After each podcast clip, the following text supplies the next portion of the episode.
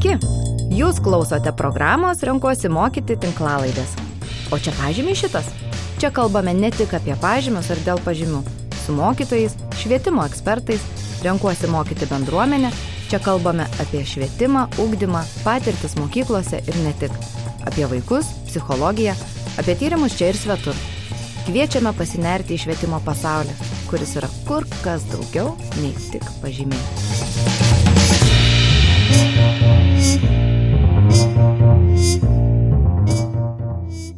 Sveiki, jūs klausote tinklalaidės, o čia pažymiai šitas. Ir šiandien mes kalbame apie litiškumo ugdymą mokykloje. Kodėl jis vis dar toks didelis baubas? Su mumis šiandien Kamilė Pudžiamytė, vadovų licėjos Sokratus pavaduotoja ir etikos mokytoja. Sveiki.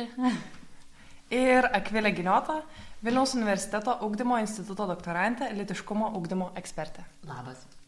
Kai galvoju apie litiškumo ugdymą mūsų tėvams, tai turbūt jie iš vis tokio neturėjo. O mūsų litiškumo ugdymas apsiribojo hygienos klausimais. O šiuo metu jau egzistuoja ir įvairių litiškumo programų bei specialistų. Tai gal viskas nėra taip baubiška. Bet pradėkim nuo svajonių. Kaip jūs norėtumėte, kad atrodytų litiškumo ugdymas? Na, aš mokykloje, kadangi gyvenu e, kiekvieną dieną, tai e, mano svajonė labai aiški yra, kad būtų e, ne tik e, pamokos ir ne, ne ten viena, dvi, trys pamokos per metus, bet tai būtų iš tikrųjų tiek, kiek reikia, tiek ir būtų. Kiekvienais metais mokiniams e, litiškumo ugdymo pamokos. Ir kitas dalykas, kad tai būtų integruota į kiekvieną mokyklos gyvenimo akimirką, ar tai pertrauka, ar tai pamoka, ir kad visi mokyklos darbuotojai būtų, kaip čia pasakyti, susipažinę, būtų išprusę šitose temose, nevartotų patys kažkokių tai stereotipinių pasisakymų ir taip toliau. Tai aišku, nu, čia tokia labai labai svajonė yra, bet mano tokia vizija, kaip turėtų tai atrodyti. Na, taip, dar padarant tarpą iki savo svajonės apibūdinimo, tai noriu tavo svajonę pakomentuoti, kad iš tikrųjų labai yra logiška ir žvelgiant į tyrimus, tai būtent toks lytiškumo ugdymas labiausiai ir pasiteisina, nes viena vertus jis turi būti ilgalaikis, nuoseklus, tai yra na, nuo pačių mažiausių dienų nuolat integruojamas į žmogaus gyvenimą tam, kad ta kritinė refleksija, savimonė, lytinė savimonė, jį tiesiog uh, gebėjimas uh, reflektuoti lyties pjūvių aplinką, kad na, jis būtų stipriai išvystytas, nes ta lytis, jos tu niekada nepasidedi į šoną, ji visada yra šalia tavęs.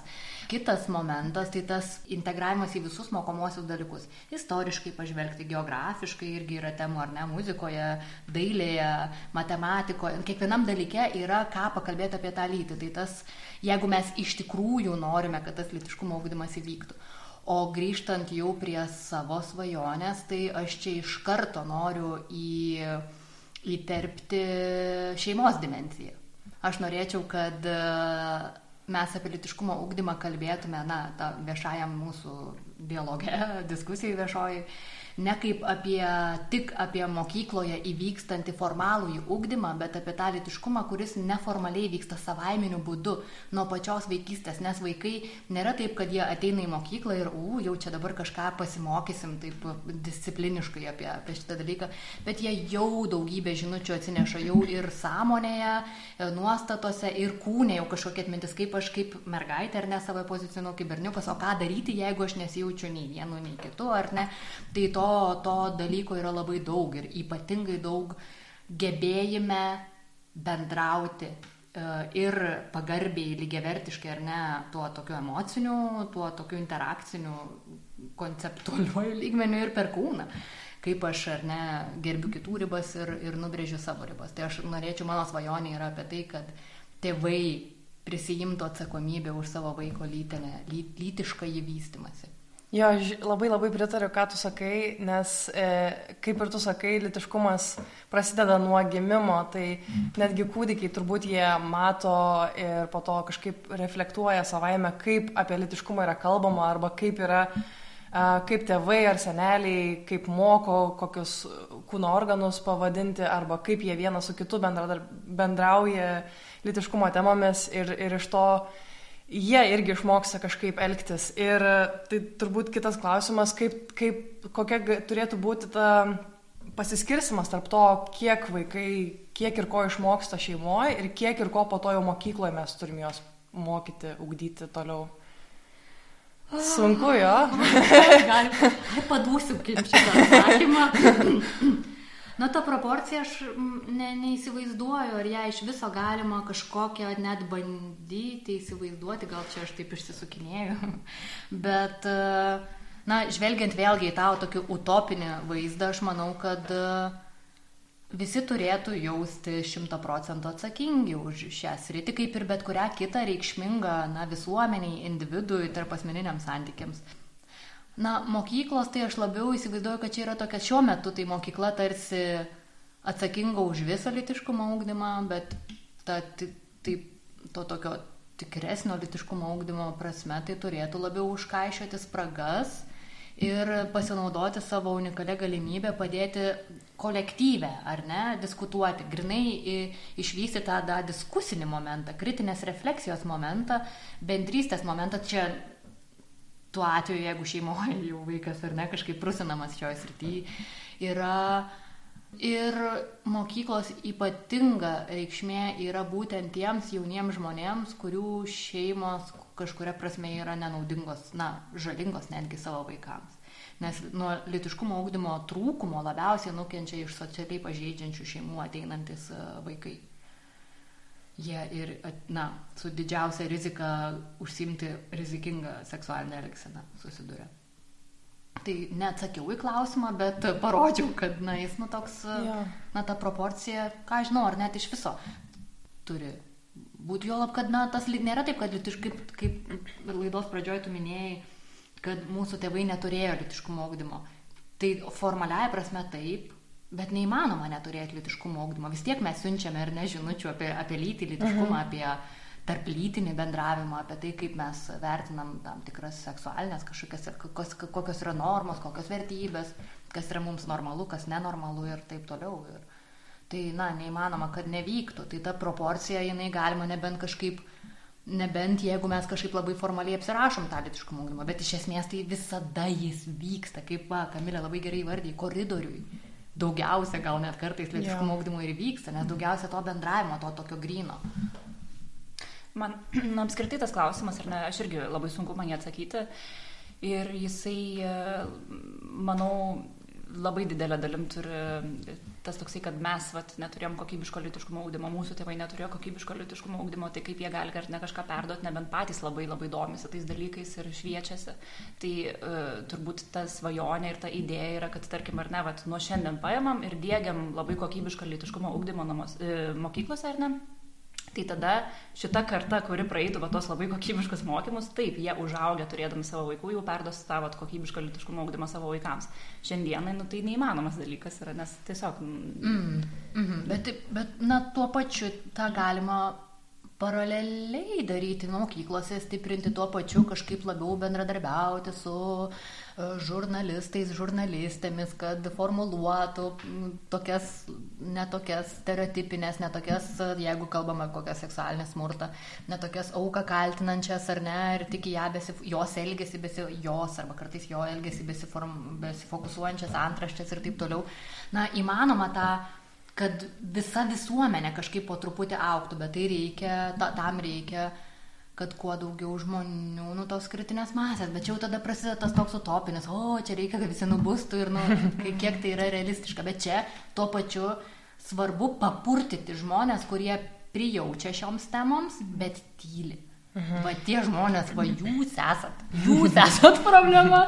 Nu čia aš juokauju, jūs nesat problema, bet nes, nes šiuo metu, ypatingai per COVID, per visus šeimų maršo reikalus, labai pasistebėjo, kad labai garsiai yra ta prieštaraujanti pusė, kuri mato daug baubų, mhm. kur mato daug antigenderistinių, tokių iškreiptų, dezinformacijos, klaidinančios informacijos, prisodrintų, tikrai nerealistiškų, distopinių uh, baubų Tai jie labai garsus buvo. Bet ta tėvų pusė, kuri, kuri, kuri nori, kad vyktų, jie labai dažnai pabūksta patys uh, atstovėti savo interesą. Ir man atrodo, nu čia aišku, ir tas, nu, kaip tu minėjai, nuostatas pačias keisti ar ne tą tokį pokytį daryti visuomeniai, bet kitas dalykas dar labai yra tas, kad e, kai mes vaikystėje ar ne, nesam turėję to litiškumo ugdymo tokio, e, paskui tėvams, netgi tiems, kurių nuostatos jau yra teisingos, sakykime, ar ne, na, iš mūsų pusės net teisingos, e, jie vis tiek, jiems labai keista būna, kad e, jau ar ne su vaikais mes pradedame apie tos dalykus šnekėti, nes tai yra tiesiog taip nejauku. Mm. Ir, na, vat, nes nuo vaikystės jie patys to neturėjo, tai buvo vat, kažkoks tabu ar ne, ir paskui jau kai supranta, nu jo reikia su vaikais šnekėti, vis tiek tai taip keista yra jiems, kad, nu, vat, irgi tas toksai, ir e, dažnai aš irgi gaunu tą tokį klausimą, ar čia ne per anksti apie tai šnekėti, kaip ir suprantu, kad reikia, bet man atrodo per anksti, čia labai nejaukiai jaučiuosi ir va tas dar labai daug mm. stabdo. Mm. Tai tiesiog taip, nejaukumas tų temų. Mm -hmm, mm. Jo, ir čia tada galim gal tada iš karto pasijausti, pa, kažkaip pabandyti pasijausti atlaidesni savo, nes tai yra didelis kultūrinis virsmas. Kaip va, Kamilė, tu daug kartų pabrėžiai, kad realiai nei viena karta iki šiol tas litiškumo augdymas globalinė prasme kaip disciplina yra ganėtinai šviežias dalykas vos šimtą metų. Ir ta moderniaja prasme, kaip mes dabar jį suprantam, tokia ne tik į sveikatą, ne tik į venerinės tais laik, laikų terminais kalbant, lygas besifokusuojantis, bet ir tuos visus socialinius, kultūrinius sluoksnius, be analizuojantis, labai net ir filosofinis, sociologinis ar ne kursas, kai šia mokymas. Tai uh, Tai tikrai niekas niekada nėra turėję ir ta tradicija nėra įvesta, mes išradinėjame ją, mes pratinam savo burną kalbėti apie tai, mes ieškom savo frazių, nes mes jų neturim. Ir aš dar pati jau kiek čia metų link dešimtmečio būdama šiuose temose kartais atsiduriu neįsivaizdavime, o kaip man šitą reikia paaiškinti. Ir tikrai skamba nenatūraliai, tik tiek, kad aš jau žinau kuo daugiau kartų kartosi, tuo labiau atrasi savo žodyną, savo frazes, suprasi, ką tu nori pasakyti šitoj temoj ir tuo natūraliau viskas pradės skambėti. Tai čia tas pirmasis gal užakcentuojam, kad pirmasis, e, pir, pirmasis patarimėlis beklausantiems, beklausančiams ir yra, kad practice makes perfect. Kaip čia ja. Praktikavimas daro visą, ką geriau. ja, mokslo motina. Kuo geriau. Jo. Jo, tai čia fainai, jūs šnekat, atrodo, uždaviau vieną klausimą ir diskusija tiesiog liejasi kaip krioklys ir atrodo, mes čia tokios užsidegusios šią temą, bet gal klausytojams ne visiems yra aišku, kodėl ši tema iš vis yra svarbi. ne, nejaukus juokas. Aha, na ir, ir. Tai kodėl tai yra svarbu augdyti, mokyti, jeigu taip nejauku, tai gal tada ir tiesiog nelieskim tų temų. Na, aš pati savęs to kartais klausiu, kad o gal tiesiog reikia čia nebeišradinėti dviračių ir, nu, tiesiog gyvenkim paprasčiau, gyvenkim kaip gyvenom, bet... Nebepušinti. Nebepušinam jo, kažkaip, jo. nu, tiesiog pasiduodam tom tradicijom, bet, na, taip visuomenė neveikia, mes, na, nuolatos tengiamės įsivardinti savo tam tikrų įdingų reiškinių priežastis ir ta lytis daug kur, daug kur figuruoja. Pavyzdžiui, tą patį seksualinę smurtą, kurį aš jau paminėjau.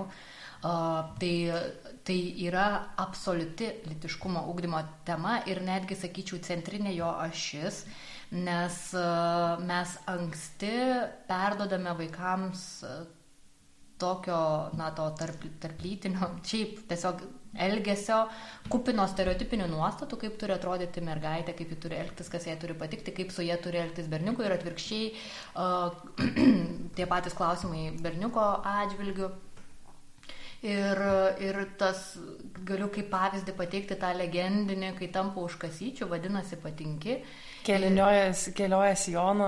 Vadinasi patinki, tau reiškia simpatija, tiesiog nekreipkim dėmesio, berniukai tiesiog taip elgesi, jie nežino kaip kitaip, bet čia va tai ir iš norisi stabdyti, kad mums reikia jos mokyti, kaip tinkamai rodyti simpatiją, jeigu tai yra simpatija, nes tokiu atveju mes siunčiam tokią dvigubą žinutę mergaitėms, kad tau nepatinka sukatsk dantis. Mhm Ir apskritai smurtas lygų simpatijas. Jo, Taip, smurtas, jo, nes jo. vėliau tas tau kilnoja sijoną, tau rodo simpatiją, tau tampa kosites, rodo simpatiją.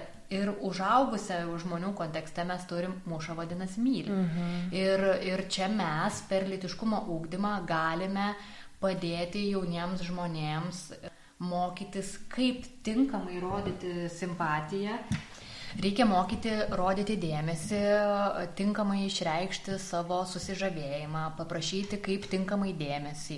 Ir čia kartais suaugę sako, bet tai o kaip kitaip? Ir čia ir didžioji drama yra, kad mes suaugę nemokame tų elementarių, elementarių komunikacijos principų intimiojoje sferoje, emocinio ir fizinio intimumo prasme. Čia yra netgi terminas seksualinė komunikacija, kaip, kaip, kaip paprašyti ir kaip gebėti atsisakyti. Ir čia yra didžiulė seksualinio smurto prevencija, seksualinio priekabiavimo prevencija. Kita vertus yra priekabiavimas uh, Dėl lyties jis kaip į tokius dvi atšakas išeina seksualinis priekabiavimas, kuris gali būti ir seksualinis smurtas, jie nėra vienas nuo kito atsieti, tai nėra izoliuoti incidentai, tai tokiam spektre besantis uh, veiksmas.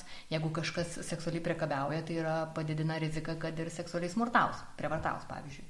Bet yra ir priekabiavimas dėl lyties, kai mes tiesiog šaipomės iš žmonių, kurie lyties prasme atrodo netipiškai. Berniukai su ilgais plaukais, mergaitė su trumpais plaukais, jiems patinka kirtelytis, mes galvojam, kad jiems patinka ta pati lytis, ta pati lytis turiu minti.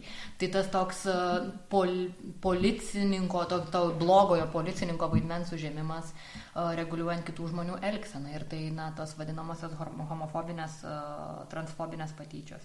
Uh, taip pat lyčių reikalai persikelia netgi ir kokią nors ekonominę dimenciją, nes dirbti su seksualinio smurto postvencija, na, tas visas postvencinės priemonės, krizių centrai, apmokyti medikus, turėti kažkokius tuos rape kits, iš prievartavimo tos vaistinėlės, kažkaip dalinti nuo tų įvairiausių praktikų yra. Ir jau yra įtvirtinta mokslo, jog daug pigiau yra prevencija, o ne postvencija. Tai yra tos grinai eduko, ed, edukacinės intervencijos, nutaikytos į tėvus, globėjus, nu, bendrai suaugusius mokytojus, mokyklos administraciją. A, tai va, tai čia gal kokį 0,01 procentą paminėjau, bet iš tikrųjų, na, per tą galbūt seksualinio smurto temą taip liūdnai skamba, bet per ją einant lengviausia parodyti, kad tai yra labai svarbu. Nes darydami prevenciją mes tuo pačiu auginame žmonės sutarti. Tai yra dar ir kažkokių turbūt skirybų prevencija, kad žmonės renkasi būti santykiuose labai apgalvotai, labai sąmoningai, moka spręsti konfliktus, nesmurtiškų būdų, nei emocinio smurto, nei fizinio smurto, nei ekonominio smurto principais. Ir, ir tai yra, na, dovana žmogui. Jo, man dar atrodo, kad visa šita kažkaip prisideda prie empatiškesnės šiaip kultūros ir visuomenės mūsų. Taip, Vienu Taip. žingsniu bent. Taip, nes tai yra susiję ne vien su lyties demencija, bet neišvengiamai mes apskritai pradedam šnekėti, jo. kaip, kaip pagarbiai būti santykėje su kitu žmogumi, nepaisant to, koks jis yra. Na, prie viso to gal pridėčiau dar, kad, na, apskritai litiškumo augdymas labai pla, plati tokia tema, ar ne, su daug, daug, daug, daug potėmių įvairiausių, tai viena iš jų irgi yra ir savęs prieimimas, savo kūno prieimimas, savo uh, tai prieimimas to, kas man patinka, kas nepatinka, kas gali skirtis nuo kito žmogaus, kas jam patinka, nepatinka, ar ne, ir tas toksai mokėjimas kažkaip mm, atrasti save ir priimti save.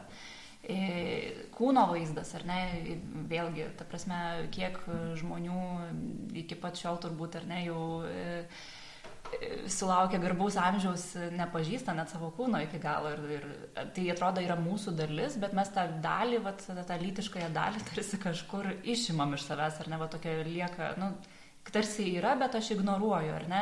Ir va taip tą visą gyvenimą gyvenu pagal tai, ką va, kiti kažkaip padiktuoja ir panašiai. Tai man atrodo labai svarbu yra nuo pat mažumės su vaikais va, tokius dalykus irgi aptarti. Ir labai, nu, ypatingai dabar galim net kalbėti ar ne apie tai, kad technologijos užvaldo vis daugiau jaunų žmonių laiko. Tai nebejaučia žmonės savęs, tiesiog nebejaučia, nu, tai bėgimas ar ne nuo jausmų tokių kažkokių nemalonių ir panašiai, tai E, dažnai netgi lytiškumo ugdymo mokymų metu, ką mes darom su vaikais, tai tiesiog jaučiam, sėdim tyloje ir bandom pajausti kūnę, ką jaučiam, kas, kas šiuo metu vyksta manyje, nes nebemoka vaikai tą daryti. Ir tai atrodo, nu, kas čia susijęs su tuo lytiškumo ugdymu, save pajausti savo jausmus ar ne, savo kūno pojūčius kažkokius, tai bet tai yra labai labai svarbu. E, vėlgi tame pačiame, kad kas man patinka, kas nepatinka. Man tas prisilietimas viskas ok, o šitas prisilietimas man baimę varo, ar ne? Ir tą reikia atpažinti reikia išmokti, išmokyti irgi vaikus labai kuo greičiau sureaguoti į tai, ar ne, kad ta reakcija tokia būtų kad tarkime, kaip man yra pasakoja mokinės, kad viešajame transporte ar nebūna ten ranką ant kojos uždeda ar kažkas panašaus įvyksta ir kai visi galvoja, oi, aš tuo metu tai ten tikrai rėkčiau, bėgčiau, tai nevelnio tas neįvyksta, dažniausiai jo. įvyksta sustingimo būsena, mm. nes tu taip nesi įpratęs tos reakcijos tokios padaryti, kad čia kaip įjungti lemputę, ar ne, ta prasme, tau yra nemalonus pojūtis ir tu iš karto tokį ne turi duoti. Bet e, dažniausiai tos jungties nebūna, nes mes nuo mažens nesame mokomi pasakyti ne, kai mums nepatinka prisilietimai kažkokie, geriau yra ištverk, išbūk šitai, ar ne? Mm, tai, tai mm. Taip, ir su jaunai žmonėm per užsiemimus dirbant, prie to ne kaip reidinėjam, tai apskritai mes pašnekam dažnai, ar tau apskritai lengva sakyti ne, nenoriu su jumis dabar eiti valgyklą Ir dažniausiai jo, jo, tiesiog einam, nes, nes nejauku sakyti ne, tai tas nesakymas jį reikia labai stipriai išplėsti į visas gyvenimo sferas ir kuo tu daugiau visose sferose praktikuojasi, tuo lengviau ir toj intimiojoje sferoje kažkaip ginti. Ir ginti vieną vertus, o kitą jaustis turinti, turint teisę tą daryti, kad tai yra mano mhm. kūnas, mano tvirtovė. Įgalinimą tokį jausti, kad aš galiu kūno autonomiją, ar ne? Mhm. Mhm. Jo, man labai būna mėla, aš kartais pažiūriu tokių video trumpų, kur mama ten savo mažai mergaitai kokiai vaikui, ten trijų, kelių metų tokius daro morning affirmations. Ten aš esu graži, aš esu pakankama. Ir ta maža mergaitė sako tokius žodžius ir aš tokia, ah. tai būna labai mėla. Tai vad, pratesiant turbūt, kad kai kurie tėvai iš tikrųjų moko, kaip sakyti ne, kaip moko, kaip save pažinti, kaip save priimti, o kiti tėvai e, nieko nekalba su tėvais. Ir tada visa šita grupė vaikų ateina į klasę ir jie visi yra to pačio amžiaus ir jie visi panašiose situacijose mokykloje gyvena, bet jų lytiškumo suvokimas labai skirtingas. Kiti vaikai internetu daugiau naudojasi ir daugiau pamato dalykų internete. Ir tada mokytojas, kad ir norėdamas pravesti kažkokią kokybišką lytiškumo pamoką, susiduria su tokiu dalyku, kad nu, vieni vaikai kaip ir gana daug žino, o kiti vaikai nieko nežino. Tai kaip tada diferencijuoti pačioje klasėje um, tą litiškumo ugdymą, kaip, kaip visiems kažkokios naudos suteikti. O kaip kitų dalykų metu vyksta diferencijavimas?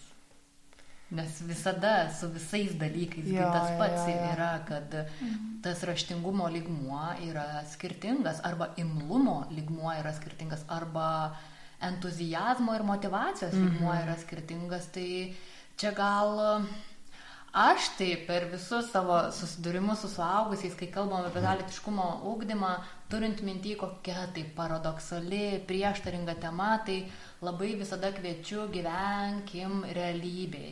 Tiesiog darykim, ką mes galim padaryti, kaip mes įsivaizduojam, kad šiuo, nes ta, apskritai kokia ta žmogaus psichologija yra, mes visada darom geriausiai taip, kaip tuo metu mes galvojam, kad galim mhm. padaryti. Mhm na, nėra taip, kad mes sąmoningai stengiamės blogiau ar nepadaryti. Tiesiog darykime, mokykime iš klaidų, įsivardinkim ir, ir, ir viskas. Aišku, ta litiškumo tema yra jautresnė, tai čia gal reikia labiau stengtis tą savo radarą į, įjungti ir reaguoti į mokinių reakcijas. Jeigu kažkas labai nejaukiai jaučiasi, galbūt po to pabandyti pareflektuoti, nes prie visos klasės, aišku, greičiausiai ir nesiseks. Kitas momentas klausti pačių jaunų žmonių.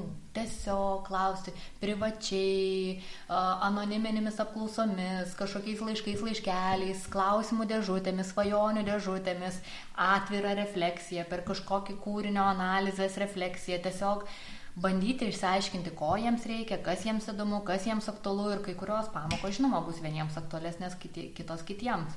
O kai kurios pamokos niekam niekada nebus aktualios, nu tai tiesiog čia yra ta ugdymo, aš manau, realybė. Toks ja. tas procesas, jis kartais yra failų failas, o kartais uh, sėkmių sėkmė. Ir tas, mm, tas, tas koks, koks yra mūsų tikslas koks mūsų savo išsikeliamas tikslas yra greičiausiai dažniausiu atveju tiesiog parodyti, kad tai yra reflektuojama tema ir mhm. kad čia yra ką reflektuoti, o kad e, mes čia tikrai išreflektuotumėm per tuos resursus, kurio, kurie mums dabar mūsų švietimo sistemoje yra suteikiami, tai yra nerealistiška. Mhm.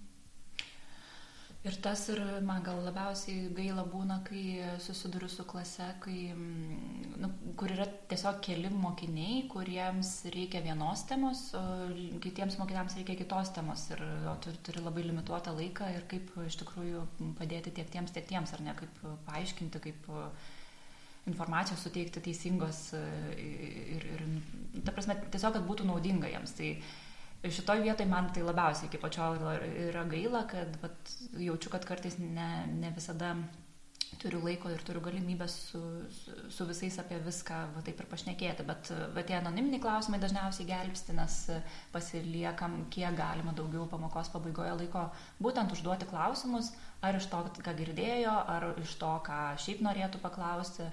Tai mokiniai tikrai ganėtinai gerai susigaudo, mes kartais vat, nepaliečiam ten, nežinau, kokios ten mm, kūno vaizdo temos ar ne, bet jie labai gerai susigaudo, kad čia vis dėlto šitos pamokos apie tai ir jie būna paklausę dalykų. Taip, tai, tai labai džiugina šitie dalykai, tik, nu, sakau, bet kartais, nežinau, būna pradinukų klasėse ar ne, ten visi tokia didelė makimi išsižioja sėdi ir va yra koks vienas, kuris jau visas pornografijas pražiūrėjęs. Jo.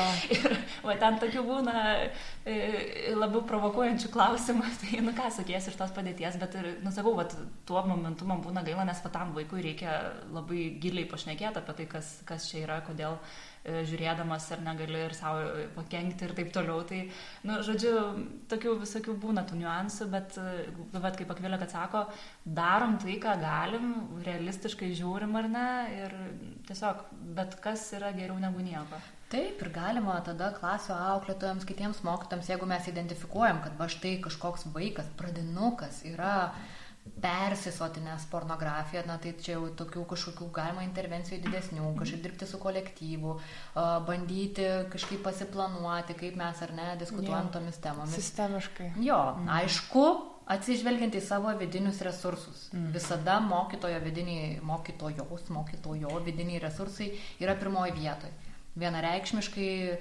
perdegęs žmogus yra mažiau naudingas negu save pataupęs žmogus. Tai, tai čia ypatingai litiškumo temoje, kur mes turbūt dar pašnekėsim apie tą baimę. Baimę šitoje temoje būti, kitų suaugusiųjų baimę.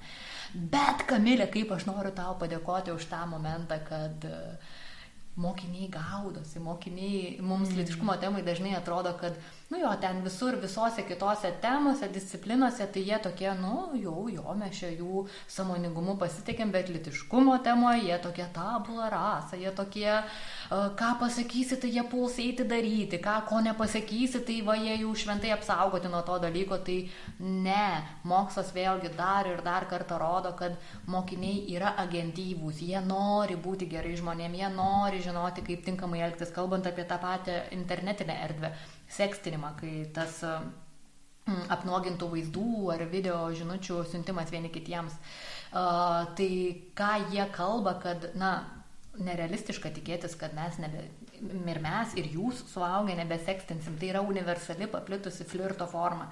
Bet mums reikia taisyklių. Kaip tą daryti saugiai, etiškai ir, ir su kuo mažiau rizikos. Tai, tai va mūsų suaugusiųjų rankose yra, ar mes norime su jais kaip su lygiaverčiais kalbėtis ar ne. Nes mokinių balsas jis nėra girdimas, mes jais nepasitikim ir mums atrodo, na, mes iš, iš esmės jauną žmogų ir litiškumą siejame tik per rizikos uh, kažkokį tarpininką. Rizika ir grėsmė yra mūsų motyvas Litiškumo didžiosios e, dalies suaugusiųjų motyvas yra pasikalbėti, kad kuo mažiau jie patirtų rizikų. Ir mes neturime dar įpročio ir čia net galėčiau sakyti globalinė prasme Lietuva nėra čia kažkuo labai jau išskirtinė e, ir neturime motyvo susijęti litiškumo su pozityve asmenybės tarp asmeninių santykių dimencija, kad mums reikia išmokti pažinti savo lytį, litiškumą tam, kad mes turėtumėm tokią pozityvę, integralią asmens dalį. Vis tik, kaip tu irgi, Kamilė, minėjai, tą kūną mes e, numenkiname, kad, nes kūnas labai stipriai, lytis iš esmės daugiausia mums siejasi su kūnu, su fiziologija, tikrai kur kas mažiau su psichologiniais visais emociniais dalykais. Tai, tai esam taip užspaudę, tas kūnas toks nešvarus, menkas ar ne, atrodo, tai, tai tą važinutę savaiminiu būdu mokiniai labai anksti perima e, ir išmoksta, tad čia turbūt didžioji drama ir yra, kad išmoksta, jog čia nėra tame litiškume nėra apie ką mąstyti, nėra apie ką reflektuoti, čia reikia daryti. Ir, ir tai yra labai įdinga ir labai sunkiai perdirbama, įdingas ir sunkiai perdirbamas išmokimas. Mhm. Man visai įstrigo vaizdas pradinukų dideliem išplėstom akim, kai jie ten kažką girdi, žinai, per tavo pamokas ir aš galvoju, tai jie kažką išgirdę pareina namo ir papasakoja tėvams turbūt, ką jie šiandien girdėjo.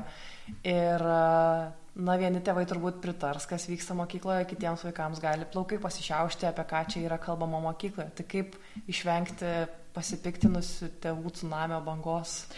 Po litiškumo pamokos. Iš karto norisi man tą tsunami tramdyti, nes visada, bent jau kiek man tenka susidurti, Kamilė, tu turbūt pa, paantrinsi man, visada yra vienas, du, nu gerai, trys pasipiktinę tsunamio kelėjai, didžioji dauguma sutinka, didžiai daugumai, daugumai viskas tinka, tikrai, tikrai tai yra mažos tėvų dalies baimės, kurios va taip labai stipriai kažkaip uh, iš, ištinsta, iš, nežinau, srūva per kraštus liejasi, uh, bet vėl žvelgiant į prevencijos uh, pusę, tai uh, jeigu tik yra galimybių Litiškumo ūkdymas visada bus efektyvesnis, jeigu prieš tai bus padirbėta su tėvais. Mhm. Jiems bus paaiškinta, kam to reikia, apie ką mes kalbėsim, kokių vaikams jau šiuo metu klausimų kyla, kodėl, kas yra ta lytiškoji raida ir tuomet e, toks dviguba nauda yra. Vaikas gauna kur, kur kas nuoseklesnės ir panašesnės žinutės iš įvairių reikšmingų suaugusiųjų. Kitas momentas, tėvai tiesiog e, nebeturi tokių baimių kurios kyla iš to iš vieną nepatyrimo ir nežinojimo, savo tradicijos neturėjimo, kito iš to tokio apskritai visuomenės nerimo, kad mes seksualizuojame vaikus, nors iš tikrųjų mes kalbam daugiausiai apie saugumą. Ja. Ir šiaip santykius. Savęs pažinimą. Taip. Taip. E, mano praktikoje, nežinau, kiek su mažesniais vaikais ar ne, nu, pradinukais, vat, yra tekę dirbti, tai dažniausiai kviečiasi pradinukų klasės tik jau tada, kai kažkokia problema išlenda. Tai tada jau tikrai tėvai būna suinteresuoti, kad kažkas atvažiuotų pasikalbėti su tėvais. Aišku, tada renkasi tarp vienokių, kitokių edukatorių ar ne, bet nu, vėlgi šitoj vietoj visada, jeigu va, taip tiesiog, ar ne, aš jau ne kaip litiškumo ūkdymo mokyta, bet tiesiog kaip mokyta, ar ne, jeigu norėčiau su vaikais kažką pašnekėti per pamoką, tai jeigu tai yra tema, kur jau pati jausčiau, ar ne, arba patys jaučiat, kad reikia to tokio apsidraudimo ir savęs, nes save irgi svarbu apsaugoti tokiose situacijose yra. Ir jeigu reikia to apsidraudimo, tai be abejo visų pirma su tėvais pašnekėti, kad e, reikalinga tokia ir tokia pamoka, nes vyksta taip ir taip ar ne, e, bus kalbama apie tą ir tą ir tą. E, jeigu nenorite, kad jūsų vaikas dalyvautų, prašom, mm. nereikia. Bet aišku, mūsų interesas yra, kad visi dalyvautų vaikai, yeah. kiek įmanoma daugiau. Bet vėlgi, nu šitoj vietoj vat, labai reikia tą ribą uždėti, nes galima įsivelti į, tokio, į tokius konfliktus ir į tokius ginčius, kur paskui norės ir iš mokyklos išeiti. tai geriau, geriau šito išvengti, geriau šitoj vietoj savo, save apsisaugoti ir tiesiog um, leisti tiems tėvams, kurie nesutinka, tiesiog iš karto ir nedalyvauti tos, nu, kad jų vaikai, žodžiu, nebe, nedalyvautų. Su vyresniais mokiniais tai e, yra visai buvę, būdavo kviesdavosi ir iš karto pasakydavo, kad e, dalyvauja ne visi klasės mokiniai, e, kai kurių ir nėra ar ne, tai aišku visada labai gaila dėl tokių atvejų, na, bet vėlgi sakau, iš vienos dalies kaip ir mes save apsisaugom šitoj vietoj, iš kitos pusės Nu, niekada, nežinau, kiek aš esu irgi buvusi, ypač pradžioj, kai pradėjau mokyti lietuviškumo ugdymo, uh, ir su savo mokiniais, nu, savo mokykloje, ar nebūdavo, aš nekėdavom irgi tom temom ir grįždavom ir tai galvodavau, o jesu, ką aš čia dabar priešnekėjau tiem vaikam, dabar viskas, man čia pareis, tėvų laiškai, galvoju, ką daryti, ką daryti. nu, vienas dalykas niekada nepareidavo, tie laiškai kažkodėl, nežinau. E, kitas dalykas visada apgalvodavau, o kodėl aš tą sakiau, kodėl, aš, kodėl man pasirodė svarbu su mokiniais būtent apie tai pasišnekėti, būtent taip, kaip šnekėjom. Ir visada ateina tie atsakymai labai pozityvus, kad aš nekėjau todėl, kad rūpinosi mokinių saugumu, rūpinosi patyčių prevencija, rūpinosi, kad jie gerai jaustųsi. Nu, ta prasme, visi šitie dalykai tai yra pozityvus ir jeigu tėvai iškeltų tą klausimą, aš turėčiau labai gerą pagrindimą, kodėl aš tai dariau. Mhm. Ir nu, nemanau, kad yra tėvų, kurie sakytų, ne, mano vaikui nereikia, aš nenoriu, kad jisai e, būtų nesaugus.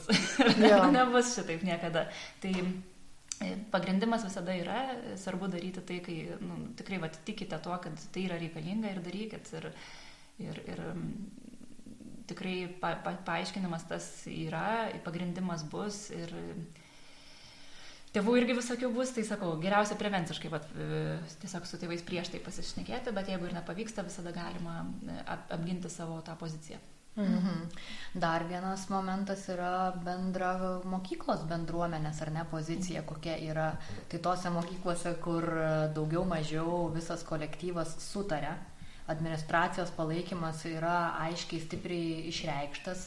Tai čia toks lyderystės, labai didžiulis lyderystės iš tikrųjų klausimas yra, nes lytiškumo augdymo iš esmės visas laukas ir yra paliktas mokykloms. Švietimo ministerija pa, įduoda pasitikėjimą ar ne mokykloms, duoda mažai šiaip visokių metodologijos priemonių, kvalifikacijos kelimo kursų. Na, dabar su ta nauja gyvenimo įgūdžių programa tikimasi, kad to viso bus daugiau, bet žvelgiant į slurš vis dar egzistuojantį kontekstą, tai yra, na, nieko nėra. Bet tuo pačiu yra daug pasitikėjimo mokykloms. Tai mokyklos tikrai gali daryti daug tol, kol tai neprieštarauja sveiko proto pasaulio sveikatos organizacijos e, žmogaus teisų principams, ar ne? Tai čia va, Kamilė, tu puikiai įvardyji tą įsivardinti savo priežastingumą. Jeigu darau litiškumo audimą dėl to, kad man kažkaip atrodo, aš kažkaip nujaučiu kažką čia, bet ne, neturiu re, re, realiai pagrindimo, bet noriu va pašnekėti, neturiu jokių mokslinių, jokių kitų organizacijų, kažkokių tokių patikimų šaltinių pagrindimo, uh, tai gal tada ir iš tikrųjų nereikia daryti to litiškumo augdymo. Nu, čia yra rimta, rimta sritis. Viena, jinai yra rimta žmogaus uh, raidos prasme, kita, na, kad ir kaip mes entuziastingai žiūrime į šią sritį, tai yra sudėtinga visuomenės sritis. Ji yra polarizuojanti, lengva užsirauti, lengva sukelti skandalą, lengva tapti skandalo ašimi. Tai tikrai reikia atlikti namų darbus. Aš tikrai labai kviečiu rimtai žiūrėti į šią discipliną ir ne tik iš entuzijazmo ir to tokio, aš žinau, man atrodo, kad aš žinau dvasios varyti, o pasidomėti, pasidomėti ir, ir tada jausimės kur kas stipriau, turėdami tą tokį metodologinį ar ne kažkokį teorinį pagrindimą. Bet čia kaip ir su kiekviena disciplina, man atrodo, nu, čia jis nieko nesiskiria, iš esmės, nu, reikia tapti profesionaliu šitoje srityje. Ir, Ir, ir, ir va, ir Kamilė, tu labai tokį tą jautrų momentą iš, ištraukiai tų nelankančių, negaunančių litiškumo augdymo, jeigu tėvai renkasi. Vis dėlto na, mes esame demokratinė šalis, ES valstybė ir mūsų švietimas yra grįstas demokratiniu principu, o demokratinis principas švietime reiškia pluralumą, kad mes išgirsime daug idėjų, kurioms kartais galim neprieštarauti, ar ne? Pavyzdžiui, jeigu mano, mes esame ateistai, tai labai tikėtina, kad mes vis tiek girdėsim kažkokių religinių ar ne dalykų ir arba mytybos prasme kažkokie esame ar ne, tai labai tikėtina Mhm. Labai tikėtina, politinė prasme kažkokie esam, labai tikėtina, kad nes tai yra demokratinis švietimas, kad mes girdime daug idėjų apie labai kompleksišką pasaulį. Lytis, na, nėra išskirtinė. Tai va, tai tas švietimas yra demokratinio švietimo principai pagal žmogaus e, teisų teismo išvadas, nes tokių bylų jau yra buvę, kad tėvai nori ištraukti savo vaiką iš švietimo sistemos e, pamokų apie litiškumo ūkdymą ir, ir Europos žmogaus teisų teismas yra nurodęs, jog na, tai nepažeidžia tėvų teisės rinktis, kaip aš noriu ūkdyti moralinę prasme savo vaiką, e, jeigu tas litiškumo ūkdymas yra pluralus, tai yra, nes dažnai yra kaltinamas, kad jis, o, kažkokią ideologiją pertikė, bet ne, mes labai kalbam apie daug perspektyvų, kad susilaikimas irgi yra ir net dažnai pa, pa, pagrind, pabrėžiam, kad yra geriausia kontracepcijos priemonė, mažiausiai rizikos turinti ir taip toliau.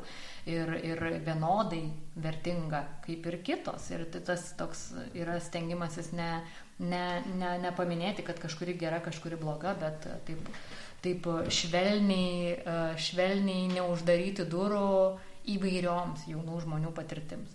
Tai va, tai tas pluralumas, jau čia jau viskas grįžtų, grįžtų. Uh, kitas uh, yra kritinis mąstymas.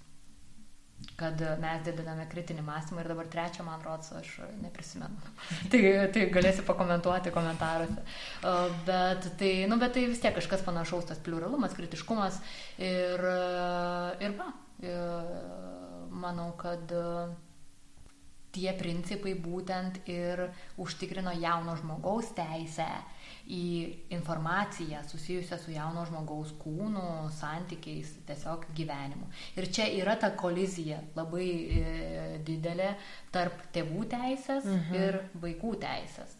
Ir kuri laimės. Yeah kuri laimės. Ir dėja, tas visas va momentas, apie kurį mes to tokį, tokį jautrų ir kontroversišką kalbame, kad jis yra labai politizuotas ir jau daugybę dešimtmečių labai politizuotas, tik tiek, kad Lietuvoje tik dabar va taip masiškai mes tą jaučiame. Kad tai vaikai yra ne politinis subjektas, jie negali dalyvauti politikoje, jie na, neturi teisės nei balsuoti, nei jų iš esmės balsas yra girdimas, niekas per daug neklausia, o kaip jūs patirite pasaulį, kokie jūsų poreikiai mes suaugę, realiai mes nusprendžiam, mhm. kad jums reikia šito, mes žinom, ko jums reikia, o kad jie kartais net įsitraukia į aktyvistinę veiklą ir sako, bet mums, mums reikia kažko kito, mes na, na, nėra tų platformų mūsų toj demokratiniai visuomeniai, kaip jiems iš tikrųjų būti pilnateisiais nors ir ribotais ar ne piliečiais, ta ribota prasme, lyginant su suaugusiaisiais. Tai va, tai tie jauni žmonės, jie tokie mūsų yra visiškai marionetės. Mhm. Aš pagalvoju, būtų įdomus atvejis, jeigu tėvai sakytų, kad aš nenoriu, kad mano vaikas chemijos pamokas lankytų. Arba ten nenoriu, kad mano vaikas, ten, nežinau, matematikos pamokas lankytų. Bet, nu, čia kaip ir panašus dalykas, jo, yra tiesiog kažkokia kažkoks ūkdymas kažkokios ryties ir tada tėvai sako, o va, aš nenoriu, kad šitas rytį mano vaikas. Nes mitais apipinta vis dar yra šita tema, man atrodo, daug, daugelį prasme dėl šito. Bet aš net nežinau, žinokit, kuo daugiau būnu šioj srity, kuo daugiau apie ir istorinės, ir šio laikinės jo visokias ten peripetijas skaitau to litiškumo augdymo, tuo mažiau tikiu idėją, kad nu, nors tuo pačiu vėl pažvelgus į kokią nors Olandiją arba Švediją, nu, tai tarsi gali būti pasiektas visuomenės konsensusas dėl to litiškumo augdymo, nors ten tikrai tose šalyse, nors jos dažnai kaip pavyzdžiai pasitelkiami, bet ten nėra viskas rožiam klota, ypatingai dėl labai plačios tarpkultūrinės visuomenės, mhm. nes tada daug yra kultūrų, daug religijų, daug tradicijų ir tada ten, va, toj srity prasideda tos, mhm. uh, tos trintys. Uh, ir uh, Net nežinau, čia kažko, mano šiuo metu man turimas atsakymas yra, kad mums reikia išmokti diskutuoti ir gebėti gyventi prieštarose. Kad taip, tu visiškai skirtingai į tą žiūri, aš visiškai skirtingai tą žiūriu, aš gerbiu tave, tu gerbi mane. Nu, kažkaip prie tos utopinės idėjos, kur pradėjome. bet tikslas turėtų kur būti taip, čia utopinė, bet kartu nu reikia mokytis, nes nu ką mes dabar, net ne tik litiškumos ir tik ką mes pasaulio mastu matom prieštaras, prieštaras, prieštaras, mhm. susiskaldimas, skaldimas, skaldimas. Ir mums reikia išmokti būti tose labai nepatogiose diskusijose. Ir ja. kieno tai yra darbas? Aišku, mūsų. mūsų nes pakviesti, pakviesti tuos labai užsidariusius uh, kaip mes dažnai ar ne vadinam, pavadinam radikalių nuostatų turinčių žmonės į tą diskusiją, kažkaip būti ir nežeminti, ir, ir, bet tai yra labai sunku. Be, pati kalbu ir jaučiu kaip, kaip citrinų prisivalgus, kad tai iš tikrųjų yra sunkus užmojas. Jo, čia reikia didelio raumens turėti, būti, suprasti kitą ir nebandyti mm. perkalbėti kito. Tai čia sudėtingas darbas. O aš dar visai noriu prie mokytojų pagryžti. Sugrįžti, tai aš, man atrodo, buvau pati e, panašioje situacijoje, kur man litiškumo augimas atrodo labai svarbus ir aš klausau podcastų ir skaitau ir žiūriu ten tas programas ir ateinu į klasę Ir e, vis tiek nežinodavau, nuo ko pradėti kalbėti ir ką su šeštokas kalbėti, o ką su aštuntokas kalbėti ir kas čia man gali padėti. Ir mokyklos administracija taip kreivokai žiūri, ką tu čia kalbėsi, ajajajajai, tai reikia ir ne per daug pasakyti, ir tie tėvai gal kažką man sakys. Ir atrodo tiek daug iš visų pusių ir net aš vidinio neturiu tokio stipraus stuburo, apie ką aš čia kalbėsiu ir kaip. Ir vaikų lapelius susirenku, atrodo, jų klausimėlius, bet gal kažkaip labiau reikia kažkur pasukti tą diskusiją. Tai ką daryti, va, tokiems mokytojams vargšams, kurie labai nori ir turi to entuzijazmo ir liktai domisi ir nežino nuo ko pradėti, tai ką mes galim jiems patarti? O ką tu darai? Man labai dabar įdomu, nes tu apie praeitį pašnekėjai. Ja. Tai ką tu darai? Nu tai va, aš skaičiau, aš bandžiau kažkokią pamokėlę padaryti, susirinkau mokinių klausimus, bandžiau tos klausimus suformuoti kažkokiam sferom, va čia apie kūną, čia apie santykius, čia apie dar kažką. Nuėjau paklausti kolegės, kaip manai ta pamoka atrodys. Jis sako, gal tu tėvams parašyk laišką. Aš gal rašiau, gal nerašiau, gal išsikandau. Tai vat kažkaip ir taip. Ir, bet vis tiek man atrodė, kad norisi tokio sisteminio labiau. O čia, kadangi aš gamtos mokslus mokydavau, tai prijungdavau prie gamtos mokslų. Čia, čia, čia gamtos mokslai, čia nelitiškumas, nu kad ne per daug niekas nepyktų. Ir jo, ir būdavo ten tos kelios pamokos per metus visom klasėm, nesvarbu ar yra ten apie kūną tas skyrius ar nėra, aš vis tiek padarydavau. Bet atrodo, man visą laiką norėdavosi sistemiškiau kažkaip, nu nežinau, kas mėnesį tą pamoką daryti, mm. į kitus darb dalykus, kad priimtų kiti mokytojai kažkaip. Mm -hmm. Tai, tai vat, man įdomu, kaip, kaip, kaip, pažiūrėjau, nežinau, Kamilė pas tave mokykloje mokytojai, ar jūs kažkaip tarėtės, kaip mokyti, padedat vieni kitiems, nu ką daryti tiem mokytam, kurie nori vesti litiškumą? Uh, nu, tie mokytojai, kurie nori, tai jie nu, kažkokiu būdu vis tiek būna ir integruoja. Man vienas apskritai saugiausių būdų ir ne, ne tik saugiausių, bet ir Nu, man patinka šitas būdas, nes jisai va, tą kritinį mąstymą labai lavina ir gebėjimą būti su kitom nuomonėm, tai diskusijos formatas. Tai jeigu tai nėra apie, nežinau, ten lytinius organus ar ne, ar ten kažkokius va, tokius dalykus, kur jau reikia tiesiog rodyti, paaiškinti ar ne, e, apie visus kitus dalykus mes galim labai gražiai su mokiniais diskutuoti. Nežinau, kad ir tą pačią pornografijos temą mes galime tiesiog diskutuoti, leisti mokiniams e, diskutuoti tarpusavę, mes tai tie moderatoriai ar negalim būti Na, aišku, ne, ne, ne iki tiek, kad ten pradės, aš ten parodysiu tau, čia palauk, pasiimsiu telefoną. Pailiustruosiu. nu, tos ribos turi būti. Čia va tokie puslapiai yra. būtent. Tai, bet ta diskusijos forma visada labai smagi ir tuom, kad mes labai gerai tada mokinius pažįstam, nes išgirstame vat, dalykus, kur, ką jie žino labai dažnai per diskusijas išlenda tik tokas, kad aš tai tik tokią mačiau taip ir taip, man per tik toką sakė taip ir taip. Dažniausiai nesąmonės ten kalba, aš nežinau, kas su to tik tokiu ten vyksta, bet, um, žodžiu, jie tarpusavėje diskutuoja, jie tada pamato irgi tarpusavėje, kad, o, geras, yra žmonių, kurie kitaip mąsto negu aš. Ir būna išsiskleidžia netgi tie mokiniai, kurie domisi tom temom ir yra ganėtinai stiprus ir vat, jau tie tokie, nu, kaip sakyčiau, lyderiai toje temoje, ar ne? Ir jie, vat, Mokytojų kitiems, pagalbininkai. Būtent, oh, jie, jie tą mokytojo poziciją, ar ne, atsistoja ir labai smagu būna. Ir kadangi tai yra diskusijos formatas, uh, nu, kaip ir jūs, e, nu, aš, aš kadangi ir, ir filosofinę diskusiją labai vaikams mėgstu vesti, tai filosofinės diskusijos esmė yra ta, kad mokytas kuo mažiau savo turėtų nuomonės parodyti, ar ne? Kad kuo daugiau mokinių nuomonė turėtų atsiskleisti ir jų nuomonė keistis turėtų pagal tai, kaip jie ten diskutuoja viską, o ne pagal tai, ką aš galvoju. Ir litiškumo temose aš irgi dažnai šitą pasitelkiu metodą ir jis labai labai smagus yra, nes mano irgi mano nėra tikslas nueiti ir kažkokį perversmą padaryti. Mano tikslas yra padėti mokiniams reflektuoti tose temose, ar ne, būti tose temose, kalbėtis, diskutuoti pagarbiai, ar ne, išlaikant ribas. Irgi va čia šitoje vietoje labai gerai diskusijos formatas, nes tu gali pasakyti, bet palauk šitoje vietoje tu peržengi ribą, nes dabar jau prasidėjo ten kažkokie seksistiniai juokeliai, ar ne, ir nu, tai yra nepagarbu ir panašiai. Tai tai diskusijos va toks metodas. Daugiau, kas dėl tų biologinių va, visų dalykų, tai iš tikrųjų, na, nežinau, dažnai būna išsigasta mokytojai va to tokio labai, kur ar ne, ir paveiksliukai ten kažkokie ir panašiai.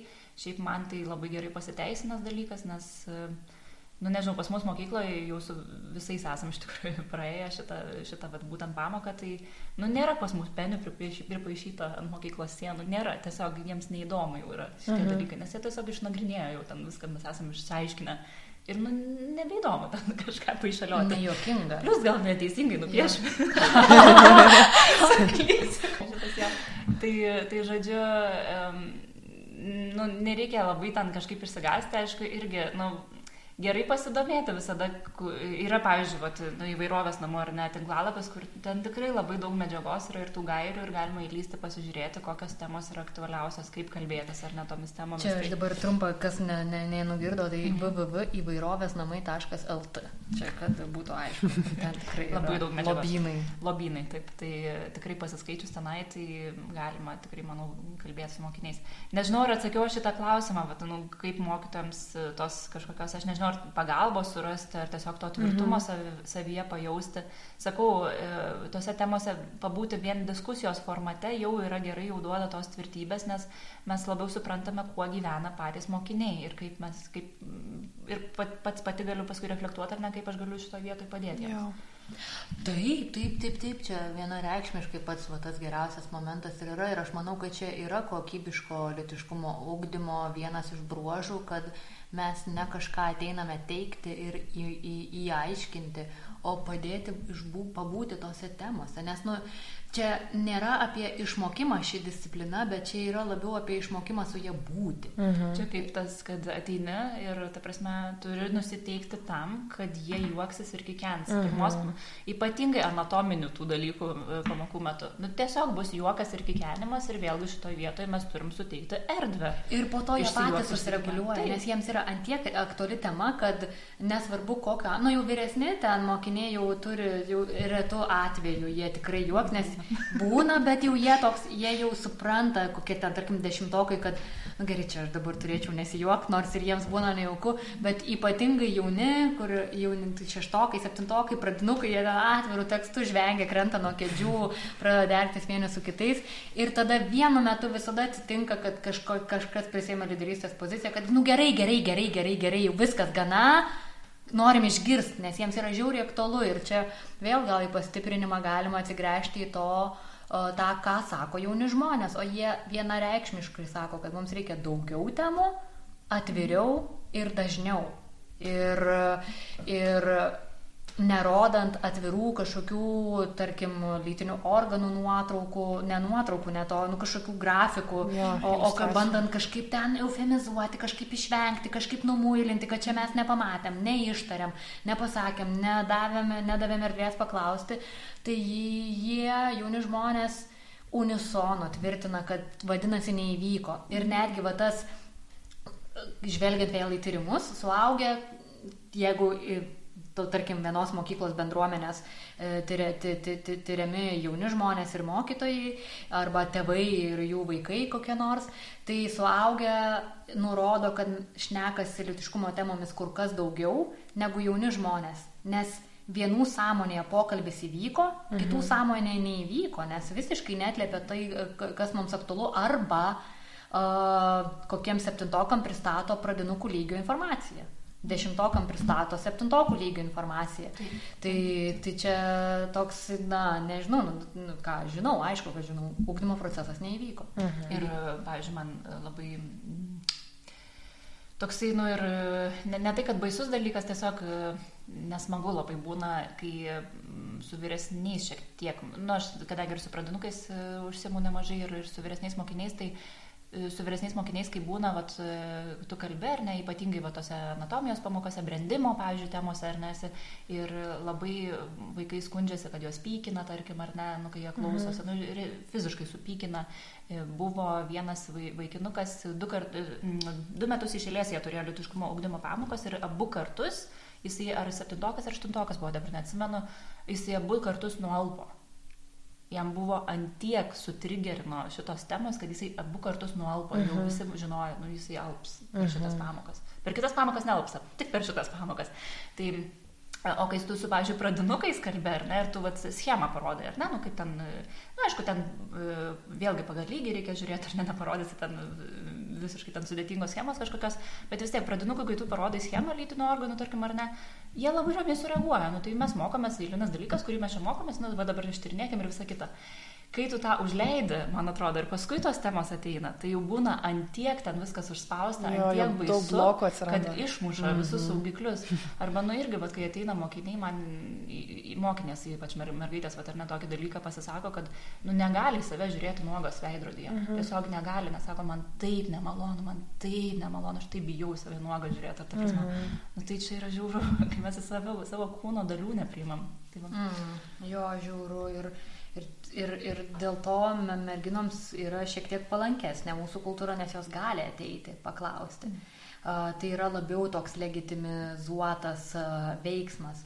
Berniukų atžvilgių tai yra lieva eiti, klausti, reflektuoti apie save, turėti nerimą, nes jie yra augdomi ar ne būti šios ryties ekspertais, kažkokiais, kad jiems viskas savaime visada aišku. Tai, tai nes būna kartais klausimus, ar čia viską vienodai daryti, ar viską atskirai mhm. daryti, ar atskirti vaikinus nuo merginų. Ir, ir, ir vieno atsakymo nėra. Viena vertus, taip būtina kuo daugiau užsiemimų daryti mišriai, tam, kad jie išmoktų būti šiuose temose įveikti nejaukumą kartu ja. ir išmoktų bendrauti. Jo, ne, kartu. jo, ne per kovą, kad čia, a, mes prieš jūs, nes to žiauriai daug būna litiškumo užsiemimuose, mm. kuri lytis protingesnė, kuri geresnė lyderė, kuri jaus, jautresnė. Kuriai kuri labiau skauda. Taip, taip, kuri, taip. Kurie geriau būti. Nu, grinai toks, nu, žiauriai toks skaudus būna, kai tokia plika akima, tai ta tokia kova, kurią mes suaugę išmokinam juos uh, jausti. Yeah. Tai, tai va, tai viena vertus tikrai tų mišrių grupių reikia, kita vertus reikia žiūrėti individualią dinamiką, kad kartais iš tikrųjų yra jaukiau pabūti su tam tikromis temomis, tokioj mažesniai ir jaukesniai grupiai, tai pasistengti jas sudaryti ir ne visada tai yra būtinai berniukai ir mergaitės, tai gali būti tam tikra klasės dalis. Mhm. E, nepriklausomai nuo lyties, nes vėlgi mes čia turim jautrų klausimą, ką daryti e, žmonėms, kurie užima binarinę ar ne poziciją. Mhm. Nebinarinę poziciją, kur nei nei. Mhm. Ta aišku, čia gali kritikuoti ir sakyti, kad, kad čia vos keli mokiniai, nu, bet taip ir keli jo. mokiniai yra žmonės ir jo, jų poreikiai yra reikšmingi. Grinai, aš turėjau vat, vieną mokinį mokinę, kuris, kuri nepriskyrė savęs. Uh, Tai būdavo irgi visą laiką matydavo tą sutrikusias akis, kai sakydavo mergaitės į tą pusę, berniukai į tą pusę ir visą laiką matau, jis jį žiūri į mane ir aš irgi žiūriu į jį, jį, ją, ją.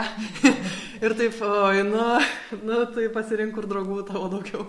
o, kaip blogai, kaip blogai, bet o ką daryti? Nu, taip, taip, taip. Ir aš tiesiog žiūrim ir žinau, žinau.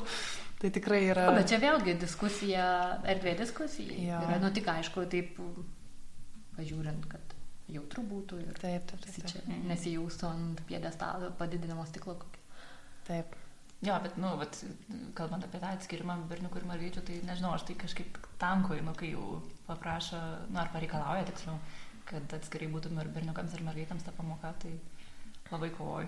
Ir dažniausiai um, laimiu šitą, nes įtikinu. Tai kai būnat, pažiūrėjau, tik reikia tik vieno, čia aš labiau gal kalbu apie ištestinį procesą, kai mm -hmm. nu, tie patys mokiniai gauna daug. Taip, taip, taip. Tai tada, nes, nes, bet o kur tada dalis klausimų jie niekada nebus paklausti mišroj mhm. grupiai. Niekada nebus paklausti. Pavyzdžiui, ja. mergaitė neklaus, nuo kada šeštokė, nuo kada liemenėlės segėti. Mhm. Tai, tai va, tai dėl tų tokių va, klausimų svarbu. Arba tada sugalvot kokių kitokių būdų. Ten tie anoniminiai klausimai, dėžutės kažkokios. Kažkokioje mokykloje buvo, kad e, sveikatos specialistė jį leisdavo naujienlaiškį hmm. iš anoniminių klausimų. O, jau reikėtų daryti. Taip. Bet čia, aišku, turi kažkas norėti. Nes čia atrodo, o gerai, aš čia parašysiu, bet iš tikrųjų tai čia, na, didelis darbas. Jo, jo. Aš dar galvoju, kad vis tiek mokyklose mokytojų yra daugiau moterų. Ir tada mhm. mergaitės kaip ir labiau gal mato moterį mokytoją labiau kaip savo kažkokią atspindį ar, ar ateitį ar kažką. Ir tada berniukams jiems sunkiau gal klausti, nes čia nekieta. Ir tada gal netaip gerai subondina, su, sudaro ryšį su mokytojo moteriam, gal labiau su vyru kažkokiu sudarytų ryšį. Ir tada gal nėra į ką taip kreiptis, nes, nu, va, aš irgi dar galvoju apie tą lyčių pasiskirsimą mokykloje ir į ką vaikai gali kreiptis. Yra tame daliai mokinių tikrai ta lytis turi reikšmės, bet didesniai daliai labiau asmenybė. Jo. Kaip tu sukuri erdvę, kaip tu tą savo, kad prie manęs galima prieiti mhm. imidžą ar ne, suformuoja, kaip tu iš tikrųjų neteisi, nesmerki, kaip tu iš tikrųjų leidi jiems tiesiog pabūti su mhm. savo ta tikrąją patirtimi. Ir tai čia tas yra, manau, svarbiausias momentas. Uh, kaip va, būtent mes sukūrėm tą erdvę, kad galima kalbėtis šiom temom. Ja. Nesvarbu, kokia jūsų patirtis, bet dėl to prie nuolpimo man biški nori sugrįžti. Mhm. Čia e, kraštutinė reakcija ir man va, dėl to litiškumo, dėl tos, kad mūsų ta visuomenė ir švietimo sistema taip neįdirbta šiomis temomis, dėl to labai baisu būna turint mintį statistiką, kad vienas iš penkių vaikų patiria artimoje aplinkoje seksualinį išnaudojimą, kaip užtikrinti tų vaikų komfortą mhm. litiškumo ūkdymo užsiemimuose. Ir kaip užtikrinti, kad jie, jeigu ką, turėtų kur eiti, nes dažniausiai būna, na, tai galima skambinti į vaikų liniją, jaunimo liniją, nes mhm. realiai nėra kur nukreipti tų vaikų. Siaubas. Va čia yra mano didysis asmeninis siaubas, va, baime, kad tu tikrai negali atliepti poreikių. Skaudi tyla. Tikrai. Tai pasinaudodama tyla noriu priminti, kad šiandien kalbame apie litiškumą mokykloje ir su mumis yra Kamilė Pudžiamytė ir Akvilė Giniota. Ir dar tada gal norėčiau grįžti prie savo šiek tiek patirties, kai ateinu į klasę pas aštuntokus, pasiskaičiusi, pasiruošusi, metodų prisižiūrėjusi, jau sugalvojusi, kaip čia viskas vyks ir kokie jie bus laimingi ir dėkingi, kad aš su jais kalbu šitom temom ir kaip bus faina. Ir jie, vat, jie ir nešneka su manimi, ir neatsiskleidžia, ir nenori kalbėti, ir jiems nejauku, ir, nes ir man biški nejauku, bet aš fake it till you make it vis tiek, tipo, vis tiek bandau kažką kalbėti, ir jie nelabai nori atsiskleisti. Tai va, ar jums yra buvę, kad kalbatės ir... Pabidvilink. Ir nepralaužėt, ir oi, kaip dar tada nejaukiau pasidaro. Taip, mažai. Oi, labai ryškiai pamenu, kaip būtent su aštuntokais buvo vienas užsiemimas ir pačioj pabaigoje ten būdavo toks, nu, ciklas, procesas viso to užsiemimo pusantros valandos, kad pačioj pabaigoje mes jau susėdam į ratą ir anoniminius klausimus atsakinėjame kartu. Ir jie man neparašė nei vieno mm. klausimo, nes įprastai ten pučkė turi delną tų klausimų ir aš ką, sėdėjau ir tada galvoju, nu gerai, Gerai, jūs neturit man klausimų, bet aš žinau, ko klausia jūsų amžiaus žmonės. Tai tada mm. traukiu iš atminties klausimus ir užduodu jį savo ir atsakau. Tai tokiai man visiškai tokiai mm-hmm. neįdomi susi. Bet tai nereiškia, kad jiems nebuvo įdomu. Čia yra tas didysis paauglystės momentas, labai reikšmingas visiems suaugusiems, ypač tevams, kad nesvarbu, kad airolsais, ten tais užsi, užsivertusiais vyzdžiais, kūno kalba, š, visokiais pff, šnipštimais ir taip toliau demonstruoja, kad man žiauriai neįdomu, ką čia sakai. Uh, jeigu yra ryšys ir iš tikrųjų yra toks santykis, mm, tai jiems vis tiek yra svarbu. Jauniems žmonėms yra žiauriai svarbu, ką suaugę žmonės gali pasakyti apie litiškumo augdymą ir jeigu mums atrodo, kad jie negirdi, iš tikrųjų didesnė yra tikimybė, kad jie girdi. Aš manau, kad jie tikrai girdi labai gerai, nes būna kartais nueini kaip tik į klasę, kur ten vien, ta prasme, nu esu buvus, bet aktų salėje vyko mūsų užsiemimas, tai jie ten e, su kėdėm tiesiog čiuožia per visas grindis ir aš galvau, kad manęs absoliučiai negirdi niekas, mm -hmm. ta prasme, aš tiesiog buvau ten ir galvojau, ką dabar daryti, nežinau. tai, ir paskui jie pasirodo visai neblogai išgirdo dalykus, nes e, sugebėjom ir pareflektuoti galę pačiam ir, ir taip toliau. Tai, Tai jo, dažniau jie išgirsta, jiems įdomios vis dėl visgi šitos temos. Kas dėl pačių, vat, tikrai yra buvę ir man tų klasių, kur dinamika yra tokia, kur niek, vat visi sėdi kaip e, pelės pašluota ir tyli ir tu viena, vat kalbi, kalbi, kalbi, kalbi ir bandai jau ten klausimais kažkokiais, nu kur visą laiką, vat tas galvoja visadagi suveikia, vat to, kai paklausai, kažkas išlenda kažkoje diskusijoje ir nieko.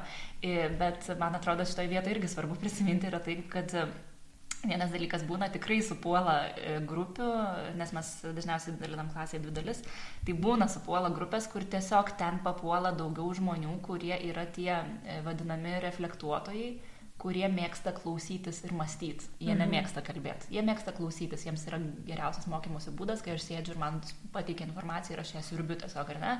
Tai būna, kad tiesiog, nu, tokia susidaro grupės dinamika. E, ir kitas dalykas, e, būna e, grupės dinamika dar ir tokia, kad jie bijo sakyti, nes, tarkim, yra didelė patyčių problema klasėje, ir, ne, ir jie bijo kažką pasisakyti dėl to, kad gali sulaukti patyčių.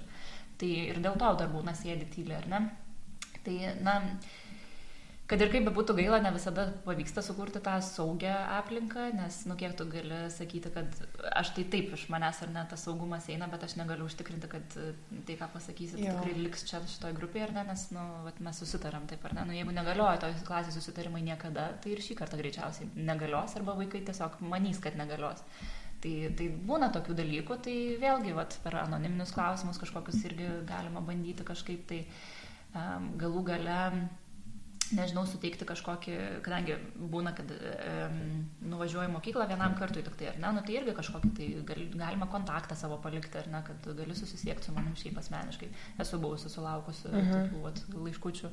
Tai mm, nežinau, per va tokius kažkokius dalykus, bet sakau, kartais yra tiesiog mokinių, kuriems labai faina yra patys sėdėti viską, susurpti visą informaciją ir išeina tada laimingi. Mhm.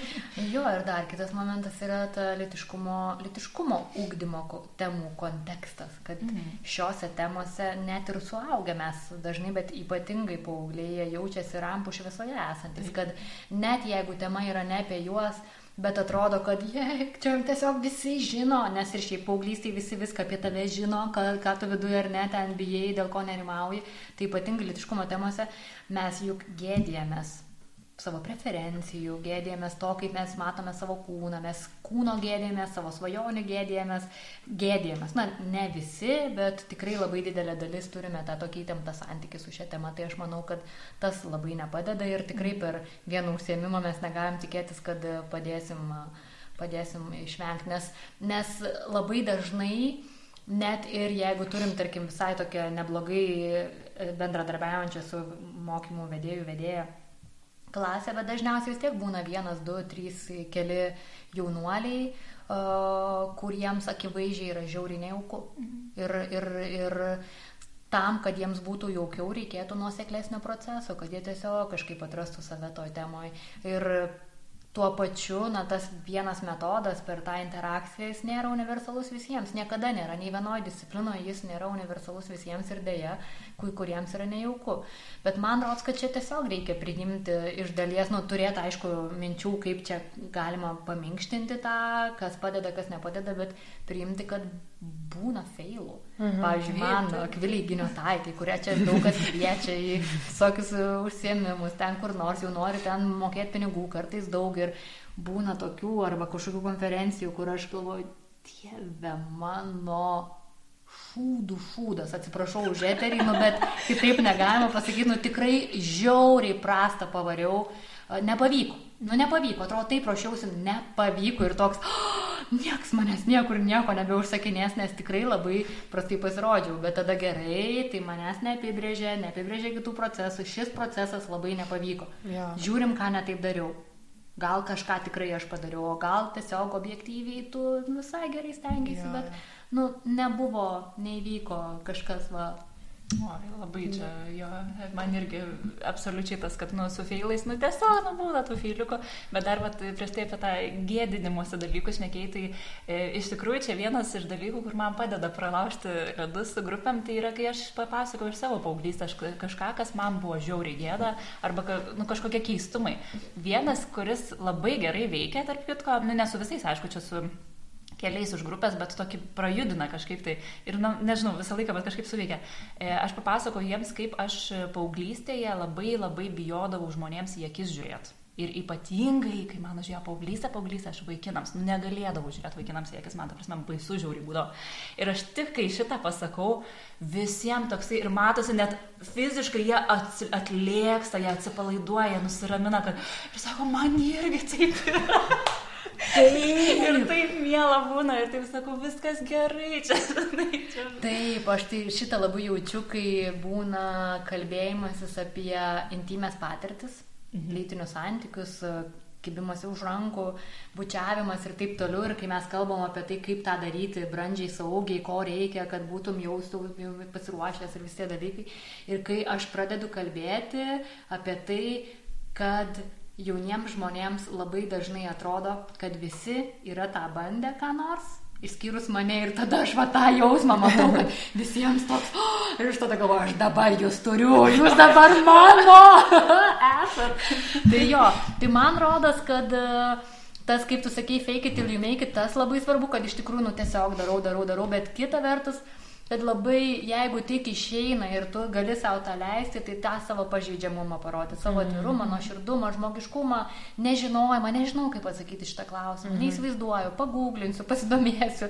A, tai pirmą kartą girdžiu gerai, bandom, diskutuojam, ką jūs manot. Tai tas, va, tas toks pakvietimas į labai nuoširdų, labai lygiavertišką ir labai pažeidžiamą bei kupino klaidų santyki. Jo, aš dar apie tą gėdą galvoju, kad e, labai mes greitai ir anksti išmokstam to gėdos jausmo, kalbant apie tam tikras kūno dalis, apie um, kas yra švanku ir nešvanku, ypatingai kas yra nešvanku, ten tarkim net ir žodžių junginys lytinis aktas man iki šiol skamba kaip kažkoksai monstras kambaryje, nu kas čia per dalykas, o kalbėti apie jausmus ir ryšio kūrimą iš vis mums kažkaip svetima ir, nu žodžiu, tai ir, ir kūniški dalykai, ir dvasiniai dalykai kurie yra litiškume mums kažkokie labai tokie nejaukus, tai kaip įsijaukinti tą kalbą kuria mes kalbame apie lėtiškumą. Kaip jūs įsijaukinote kalbą? Ar dar ne iki galo įsijaukinote?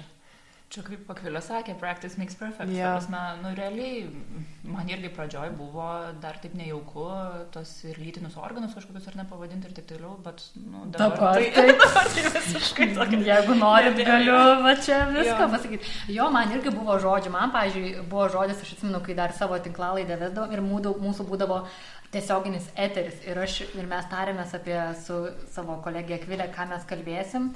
Ir, ir tu, aš žinojau, kad man reikės pasakyti žodį vaginalinis. Ir sakau, Kvilė, aš nedrįsiu, aš negalėsiu pasakyti uh, žodžio vaginalinis, nors jau man rodos e-mailus pasirašinėjau kaip litiškumo ugdymo specialistė. tai Akvilė sako, jeigu ką aš tau aš pasakysiu. Ir aš eterį susikaupiau ir žiūrėdama kvilį akis aš ištariau tą žodį ir man ros va tas lūžis toks įvyko. Mm -hmm. Jeigu nedrasu iš karto su gyvais žmonėm praktikuotis, tai realiai na mūsų giburna m, mm, labai stipriai siejasi su visų likusiu kūnu, prieš veidrodį, su draugais, artimaisiais, važiuojant, vairuojant mašiną, troleibuse, šnipždėti, tiesiog kažką uh, kartot savo, kartot, kartot, kartot to žodžius ir, ir nebebus, nebeklius tas ležuvis taip -hmm. už, už randų už, už gomurio, už kur nors. Veikia, tai tikrai labai veikia praktika. Ja. Aš galvoju, kai mokydavau vaikus apie lastelės ten struktūrą, tai ten yra labai keistų biologiškų žodžių, ten mitochondrijos ir visokie chloroplastai, tai ten ne visiems vaikams net išeina ištarti tokį žodį mitochondrija, ar ten chloroplastas, ten sukasi liežuvis, paburna ir nelabai. Tai aš darydavau tokį dalyką, kad pasakydavau, dabar žiūrėkit, aš pasakysiu žodį ir tada jūs visi kartu pakartosite chloroplastas ir visi kartoja chloroplastas. Tai taip turbūt galima daryti. Žiūrėkit, dabar aš pasakysiu žodį ir mes visi pakartosim. Vaginalinis. Vaginalinis. Kaip už tai, bet koks būtų efektas? A, aš esu su pradinukais tai metais. Čia buvo mano pati pirmoji litiškumo augdymo pamoka, kur aš net ne, negalvojau, kad iš viso tose temose va, taip dar būsiu, žinai. Tai, tai jo, tai buvo taip, kad nugarsiai prašiau pakartoti žodžius, nes, nu, jie nežinojo, tad išsižiojo, žiūrėjo mane, tai sakau, mm -hmm. nu, pakartosim, nu, kad jūs žinotumėt. Mm -hmm. Ir po to karto neleidau kitų žodžių vartoti, tik tai tuos, kuriuos aš mokau. Mm -hmm. Tai, nu, mhm. jo, tai... Jo, jo, jo, ir aš tai, jeigu irgi vėl, nu, tai kažkaip reikia savo susikurti naratyvus. Čia kalbant, grįžtant prie tos baimės, nejaukumo, kad aš bijau, kad čia kažkaip kažkas ten rašys apie mane laikraštį, administracija, bendruomenė mane nubaubs ir taip toliau.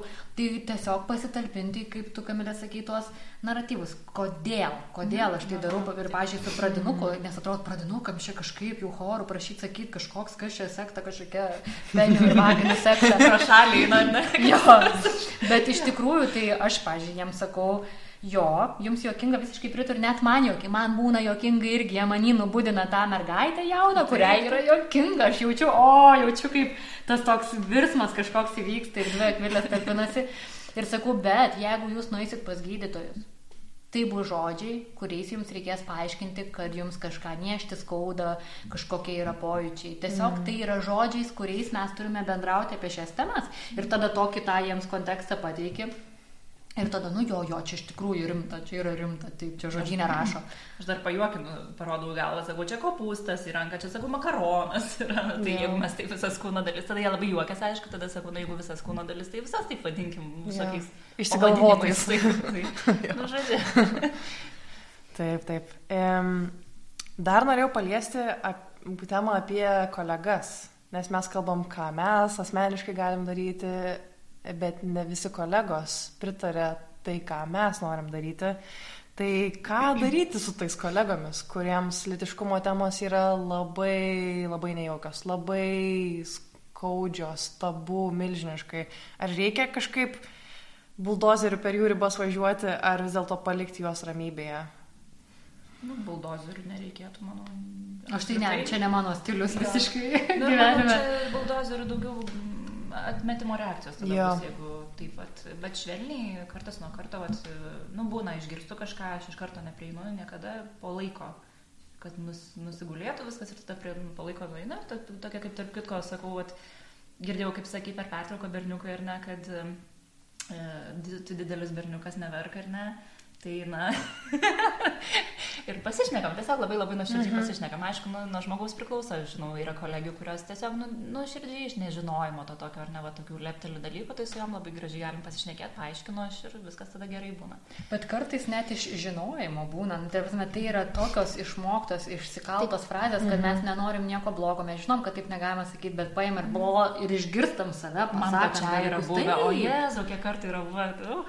taip, taip, taip, taip, bet tu visą tada gali taisyti, ar ne, tą savo mhm. elgesį. Gali sakyti, oh, vakar aš sakiau tokį ir tokį dalyką, supratau, kad mm, visai mm. ir čia vėlgi labai geras išmokimas yra, kaip pabūti tos situacijos ar ne savininku, savininke ir pripažinti klaidą, pareflektuoti ir čia labai, na, toks daugia, daugia breunis, mm. puikus, puikus pavyzdys. Tai ką daryti su kolegom, aš nu, visokių atvejų žinau, kai mokyklos viduje įvyksta visiškas susiskaldimas, dvi didžiulės stovyklos vieni prieš kitus, tai labiausiai linkėčiau neatsidurti kažkokiu būdu tokioj situacijai, bet net ir tos bendruomenės uh, turi kalbėtis, kalbėtis, kalbėtis, diskutuoti, diskutuoti, diskutuoti ir ieškoti kažkaip bendrų vardiklių, ką, žinau, pasitelkti komunikacijos ar ne specialistus, kurie padeda būti sudėtingose diskusijose, diplomatus, kviestis, nežinau, tik kažką daryti, nes kažką daryti reikia. Savaime nepraeina tokie dalykai, jie išlieka skaudus ir mes tikrai šioje srityje, litiškumo srityje labai turime polinkį matyti labai dviejopai. Mhm. Aišku, tas net ir dviejopai matant, vis tiek nėra to tokio grino, grino dviejopumo. Mes su Kamilė visiškai va čia atstovaujam, bet aš nebėjau, kad mes turim labai daug tokių vietų, kur, nu taip, galim taip, nu gerai, jeigu tau taip atrodo gerai daryti, tai daryk, bet aš tai nepritariu, nu tokio, nu tikrai yra, arba galima žiūrėti į kokias nors reprodukcinės teisės labai palankiai, bet turėti homofobinių nuostatų, arba uh, į lyčių lygybę žiūrėti labai palankiai, bet tuo pačiu labai stereotipiškai laikytis, nu toks tikrai mhm. to tokio uh, dviprasmiškumo šiuose temose yra daug ir nėra grinumo ir jo niekada nebus. Uh, Tai bet kito varianto negu diskutuoti nėra. Čia kaip ir su pačiu litiškumo ugdymu, kai suaugę klausia, bet ką daryti, ką daryti su tais jaunais žmonėmis, kaip jiems, ką daryti su šitą temą. Diskutuoti, reflektuoti, nėra kito varianto. Bet vėlgi tada, nežinau, turbūt svarbu būtų paraleliai imti ir kažkokius um, team buildingo ar ne momentus, kad mes tiesiog jaustume medrystę. Man atrodo, čia yra labai svarbu uh, rasti būdų, kur mes ne tik per šias temas vieni kitus matom, bet matom save platesniam žmogiškam paveikslui. Ir tada lengviau pamatyti, kad, a, mes va čia nesutarėm, bet kitur gal mes turim netgi va, mėgstam mėgst kartu ar dar kažką. Bet ir šiaip, nu, kad ir nėra to sutarimo, man atrodo, ypač mokyklos bendruomeniai, vertybės tai mūsų labai panašios visada yra tik prieimas, kaip mes bandom pasiekti ar net tų vertybinių dalykų, nu, nežinau, nežinau, vertybės saugumas, ar ne, nu, visi norim, kad vaikai būtų saugus, nu, tai čia vėlgi šitoje vietoje tiesiog kaip mes prie to prieinam ir galim tada jau padiskutuoti, ar geriau yra apie tai, nu, nekalbėti litiškumo augdymo temam, ar geriau kalbėti. Ir va šitoje vietoje jau diskusija kažkokia įsijungia, ar ne, bet šiaip, nu, tų tokių ryšio taškų ieškoti per vertybinius klausimus, kad nu, mums, pavyzdžiui, irgi svarbu, kad santykiai būtų sveiki, kad jie būtų a, na, nesmurtiniai ar ne kažkokie tai ir panašiai. Tai visi mes turim šitą dalyką, visi mes norim tokie, kad būtų santykiai ir ne ypač jaunų žmonių. Tai, mm -hmm. Bet per šitą mhm. einant, mm -hmm. tai žiūrėk, jeigu mes taip, taip, taip darysim, greičiausiai bus toks rezultatas, o jeigu taip darysim, vat, ir pasieksim šitą, ar ne, vat, būtent. Nu, nu, aišku, čia sudėtingi šitie dalykai, daug tokios diskusijos reikia, bet aš kažkaip visada, visada bandau surasti tą mm, vertybinį mhm. tašką, kur aš žinau, kad su, sutiks tas žmogus, va, taip mes norim šito. Bet va, kaip to pasiekti, jau tada įsijungia tas toksai, nu, bandymas jau įtikinti, ar ne, kad yeah. būtent tas kelias yra vat, prives prie šitos mūsų bendros vertybės. jo, čia visai iššūkis yra mokyklos bendruomeniai tarpusavį mums susitarti mm. e, vertybišką šitą vertybės e, litiškumo. E, temomis. Kitas iššūkis turbūt yra nepilnamečio apsaugos įstatymas, kur jau dar sunkiau kažkaip jį tarpusavį dar galim šnekėtis ir kviestis. O kaip tas įstatymas, ar jisai... Jis konceptualus baubas yra, jis niekada nėra pritaikytas praktikoje, jis yra tik teorinis momentas. Uh, bet tada galima iš karto, aš suprantu, kad jis baugina tas įstatymas, jis yra nesąmonė, jis yra visiškai nukopijuotas ir pašvelnintas demokratijai rusiško įstatymo variantas, absoliutiškai propagandistinis uh, uh, produktas mm, neatsiliepiantis nei į, į tikrovę, nei jaunų žmonių poreikius, nei iš tikrųjų, kas juos traumuoja ir kas iš tikrųjų jiems daro neigiamą informaciją. Bet vis tiek kviečiu grįžti prie savęs, ar mes suteikiam neigiamą įtaką darančią informaciją. Ne. Nu, mhm. nebent pornografiją pradėsim rodyti per pamoką, bet aš abejoju. Bet niekas to nedaro, niekas to nedaro. Mes būtent jo. apie tai ir kalbam per litiškumo ugdymo pamokas, kad yra ribos ar net, tarkim, tam tikros. Ir, pavyzdžiui, nu, aš niekada to, nu, nu, aš neįsivaizduoju, kaip, kaip tas įstatymas net suveikti to vietoje turėtų. Ta prasme, aš realiai, man atrodo, turėčiau atsinešti pornografinį filmą ir pradėti vaikam rodyti kad, ta prasme, nu, vat, suveiktų, nes aš kito atveju, nu, mano tikslas yra padėti jaunam jo. žmogui. Mano tikslas yra, e, kad, nu, sakau, saugumas tai yra skėtis, vat, po tuo vis, viskas ir palenda. Tai, nu, kad, kad ir kas man ką besakytų, aš galiu pasakyti, žiūrėkit, aš apie tai kalbėjau tam, e, nes girdėjau, kad tyčiojasi ar ne, tarkim, mhm. ar ne, ir čia yra patyčių prevencija. Okay. Nu, kaip gal, gali pasakyti, kad čia yra netinkama informacija, jeigu aš, aš bandau padėti jauniems žmonėms, ar ne? Ir jeigu mes kalbam apie, tarkim, ar ne, kad e, seksualinis e, seksualinio smurto arba seksualinio priekabiavimo ar ne prevencija, tai vėlgi, nu, tai jeigu aš kalbu apie seksualinio priekabiavimo prevenciją, nu, tai, e, nu, aišku, paly viską aš neturėčiau ir vykdyti tos seksualinio priekabiavimo, tai, nu, sakau, man ta pornografijos rodymas tai yra seksualinis priekabiavimas, nes aš per prievartą rodau ar ne vaikams, tai, nu, tai čia jau prieš save netgi eičiau.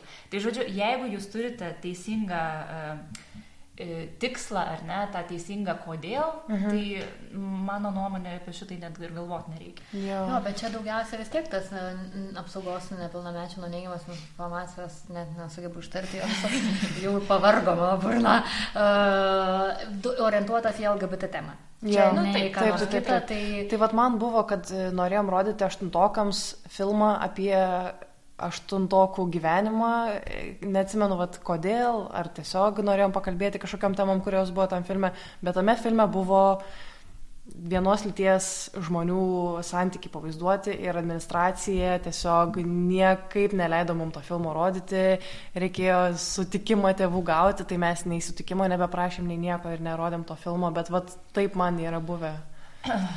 Nu, Vėlgi, tai, e, aš šitoje vietoje daugiau matyčiau tą, ar aš noriu karo su tėvais ir administracija. Jo. Ne. Nu, vat, klausimo, jo. ar man dabar čia kažkas ateis policija ir mane suims. Prasme, man ne čia klausimas yra. Nes, nu, jeigu šitai, tai tada jauni žmonės, aš nežinau, televizijos negalim įsijungti, nes nu, per žinias pasakojo apie e, vienos lyties šeimas ar net ir panašiai. Tai ta prasme, nu, tai Ne, tai vienas, vieniems su kitais negalim leisti bendrauti. Taip, ta, tokiu atveju tai taip. Tai šitoje vietoje mano daugiau būtų rūpestėlis, kaip ar aš esu, turiu savyje vat, pakankamai jėgų tai kovai su tėvais, mhm. jeigu bus nepatenkintų. Bet kartais sakau, ir ta baime tokia būna nepagrista, nes kartais tiems tėvams visai viskas ok. Būna. Taip. Tai gal norėčiau pašviesinti šiek tiek jau mūsų diskusiją į pabaigą. Tai šiaip per pastarosius metus atrodo, kad e, litiškumo temomis kalbame daugiau, atsiranda įvairių iniciatyvų, tarkim, nebegėdos tekstai, e, įvairios tinklalaidės, nekopūstų vaikų, e, nekopūstų vaikų veikla, tie patys įvairovės, kaip vadinasi? Na, įvairovės namai. Įvairovės namai. įvairovės ir edukacijos namai, pilnas būtų. Taip, taip, taip. Tai toks jausmas man bent jau, kad visa tai padeda litiškumo temoms ir litiškumo ūkdymui kilti į kitą lygį. Tai gal viskas netai blogai. Kokius jūs pastebėt teigiamus pokyčius šioje srityje? O. nu, negali sakyti, kad nėra.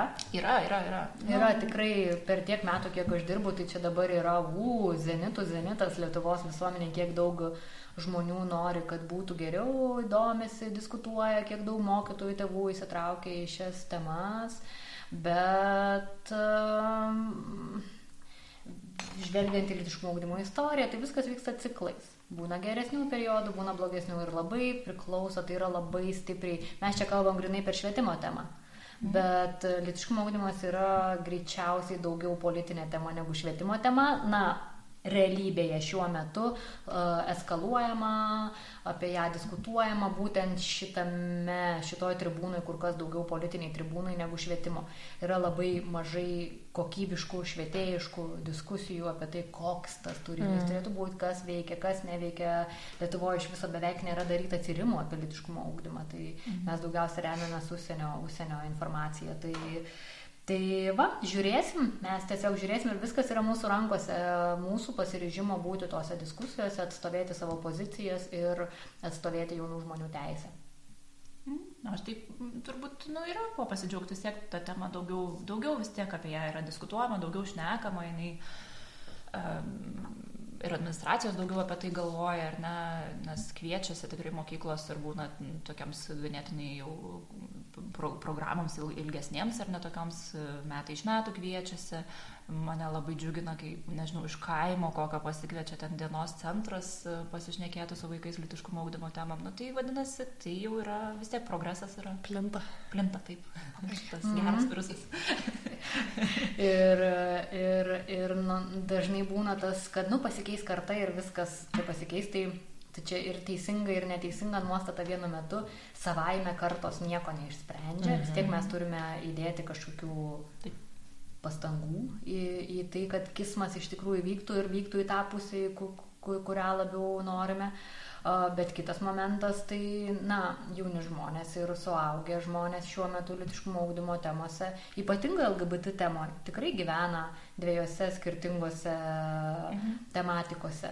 Nors homofobinės, transfobinės patyčios jos labai gajos ir labai didžiulė problema Lietuvos mokyklose, bet dažnai iš nesupratimo. Mhm. Iš dėl to, kad tai yra tiesiog kultūrinės klišės, bet prabilus per mokymus su, su mokiniais, ar turi būti įteisinta partnerystė, ar, ar patyčios gerai, ar galima, tai vienareikšmiškai didžioji klasės dalis beveik visais atvejais būna tikrai labai palankių, palank, palankios nuomonės šiomis temomis, tik tiek, kad reikia darbo jiems atpažinti, kai jie patys, jos pačios elgesi prieštaringai savo nuomoniai. Mhm. Ir tą mes visi turime. Mes turime įsivaizdavimus, idealus, šioje temoje ir kitose temose, bet kai praktiškai pradedame elgtis, ne visada mokam reflektuoti savo, savo elgesį, kuris gali būti iš tikrųjų kartais užgaulus. Mm. Taip, kas su LGBT, tai, nu, taip, be abejo, yra tas toksai dar tas ar ne, tie žodžiai normalu, nenormalu, čia dabar kabutėse rodžiau, jeigu ką. tai, bet dar kas labai glumina, tai kad iš tikrųjų yra jaunuolių, kurie yra įsibaiminę toj temoj, nes jie, pavyzdžiui, tikrai yra įtikėję, kad tarkim, jeigu jie pamatys e, tą, na, nu, gėjų paradą ar ne, Vilnius Pride ar, ar, ar panašaus kažką, tai pasikeis jų seksualinė orientacija. Mm. Čia rimtai esu susidūrusi? Esu susidūrusi variantai. Ir man čia, pavyzdžiui, viena, dar vienas iš tų dalykų, su kuriais, pavyzdžiui, aš su tėvais kalbėdama, bandau irgi va taip švelniai pasakyti, kad jūsų vaikas gyvena baimėje. Ta prasme, kur jos nėra ir neturėtų būti. Ar jūs norite, kad jūsų vaikas gyventų nuolatiniam tokiam nerime ir baimiai. Ir, na, nu, aišku, tėvai nenorės. Nu, be abejo, mes saugotis turim apskritai savisaugos instinktus, mes visi turim turėti, ar ne, nesvarbu, kas, kas per žmogus būtų, bet nu, čia kai tokios vat, nesąmonės jau prasideda, tai e, labai irgi norisi pabrėžti tą, kad vėlgi mes kalbam apie mokinių saugumą ir e, psichologinį tokį saugumą, ar ne, nu, gerovę, kaip čia pavadinti, ar ne. Tai vėlgi šitos temos yra jos reikalingos kalbėti vien dėl to, kad vaikai negyventų baimiai nepagrįstoj kažkokioj. Tai, tai dar vienas toks argumentas turbūt. Um, Tarp kitko, turiu pasidžiaugti, kad e, už Vilniaus ribų šitą temą man visai tokia irgi, e, pavyzdžiui, už Vilniaus ribų važiuojant į kitas mokyklas ar net, nu, turiu omeny ten, nežinau, e, didesni, mažesni miestai, kažkokie kaimai, mažiau būna, pavyzdžiui, atveju, kada tėvai išima vaikus iš pamokos. Mhm. Aš irgi nesibaiminu šitaip, žymiai dažniau tai atsitinka. Aš irgi taip, taip. Tai va irgi įdomus mhm. toksai. Mm -hmm, jo, čia tas e, labai dažna ta, ta, ta, ta, ta, ta frazė yra, kad, nu tai čia sostinė, čia viskas lengviau, atviriau ir taip toliau. Ir tikrai, tikrai nevelnio visokiausių čia toj sostiniai bendruomenių yra. Ir, ir e, vieni šviesiausių mano pavyzdžių yra periferijoje. Sutikti periferijoje kaip visiškai kaimelio mokykloje, kur yra jungiamos klasės šeštokai, aštuntokai, mm. dėl to, kad per mažai kartu mokosi, toks visiškai, nu, mažai, mažai, visko labai mažai ir mokytojų kolektyvas toks, toks įsigilinęs į jauno žmogaus poreikius ir mhm. taip su ašarom akysė sako, bet kaip mums padėti ir iš tikrųjų labai nuoširdžiai už tuos savo jaunuolius uh, jaudinasi, tai tikrai niekas čia su sostinė nėra susijęta. Taip. Taip. Taip. Taip. Taip. Tai labai smagu su jumis plepėti. E, gal dar pabaigai norėtumėt ką nors pridėti į šią temą, atsisveikinant su klausytojais? Aš galbūt norėčiau tik tais gal pasakyti, kad prieš pradedant e, kalbėti su jumis, man pačiai, nors ir aš jau šiek tiek toje temoje esu, man pačiai litiškumo tema vis tiek kažkaip sąmonėje, pasąmonėje yra kaip atskiras dalykas. Ir man kalbant su jumis jisai kažkaip jungiasi į vientisą tokį gyvenimą, kad litiškumas ir apie ribas, ir litiškumas apie nesakymą, ir litiškumas apie mokėjimą suklysti, taip pat kaip suklysti bet kurioje kitoje gyvenimo srityje. Tai man atrodo, kad kuo labiau integruojam ir šnekam, kuo labiau šnekam apie litiškumą, tuo jis labiau integruojasi į mūsų sąmonę kaip tiesiog dar vienas kažkoks gyvenimo aspektas. Man, kur aš jau liktais skaitau ir domiuosi ir visą kitą. Tai ačiū Jums labai už, už, už, už pokalbį. Ačiū tau. Ačiū tau. Ačiū. Tau. Ačiū. Su jumis kalbėjosi Akvilė Giniota, Vilniaus universiteto ugdymo instituto doktorantė, litiškumo ugdymo ekspertė, Kamilė Pudžiamytė, VDU licėjaus Sokratus pavaduotoja ir etikos mokytoja ir aš Jėva Lebedytė, chemijos, matematikos ir muzikos mokytoja. Ačiū. Ačiū, kad klausėte. Tikimės, kad praleistas laikas kartu jums buvo naudingas ir įdomus. Kviečiame susipažinti su programa Renkuosi mokyti ir pasiekti ją Facebook bei Instagram socialiniuose tinkluose. O kol kas, iki kitų susitikimų.